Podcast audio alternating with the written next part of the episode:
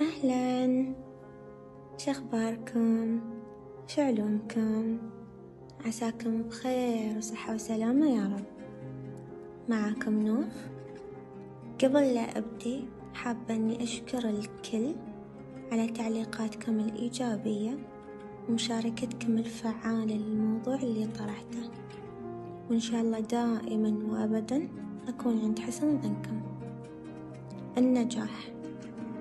النجاح طريق صعب يبيله قلب قوي وإرادة وثقة برب العالمين ومن ثم بنفسك.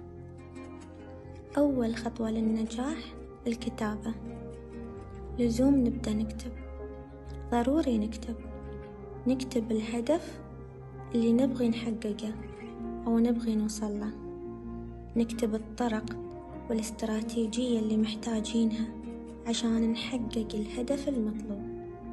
ودائما يكون عندك plan و backup plan على الأقل من خمس لخمسة عشر طريقة وخطة بديلة واستراتيجية جديدة.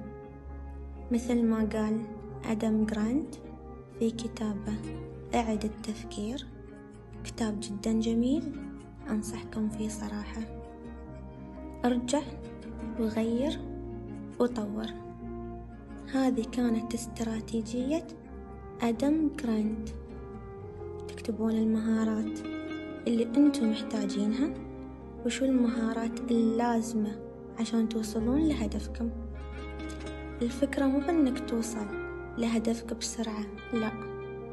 الفكرة أنك توصلها وأنت ماشي صح. ومن بعدها تبدأ. من غير تراجع من غير خوف.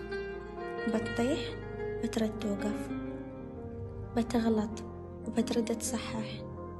كل ما تغلط أكثر كل ما كانت نسبة نجاحك أكبر. لأنك بتتعلم من الغلط بحد ذاته فبهاي الطريقة راح تقل أغلاطك ويزيد نجاحك. وما فيها شيء أبدا أنك تخاف. أو أنك تطلب المساعدة إذا كنت محتاجنها لا تخلون الخوف عائق بينكم وبين النجاح. لا تخلون الخوف عائق بينكم وبين طموحاتكم وبين أهدافكم.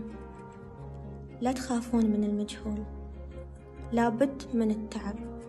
لابد من الاستسلام. ولكن الإصرار والعزيمة هم اللي راح يوصلونك لهدفك. لكل قصة نجاح عظيمة أكيد وراها قصة مستورة. ونحن ما ندري عنها.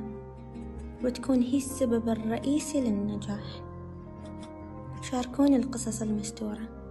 أبغي أعرف شقا وصلتوا للنجاح اللي أنتوا فيه الحين وفي هذا الوقت. وما أبغي أطول عليكم أكثر. قبل لا أختم حبيت أقولكم ترى بعدنا بخير.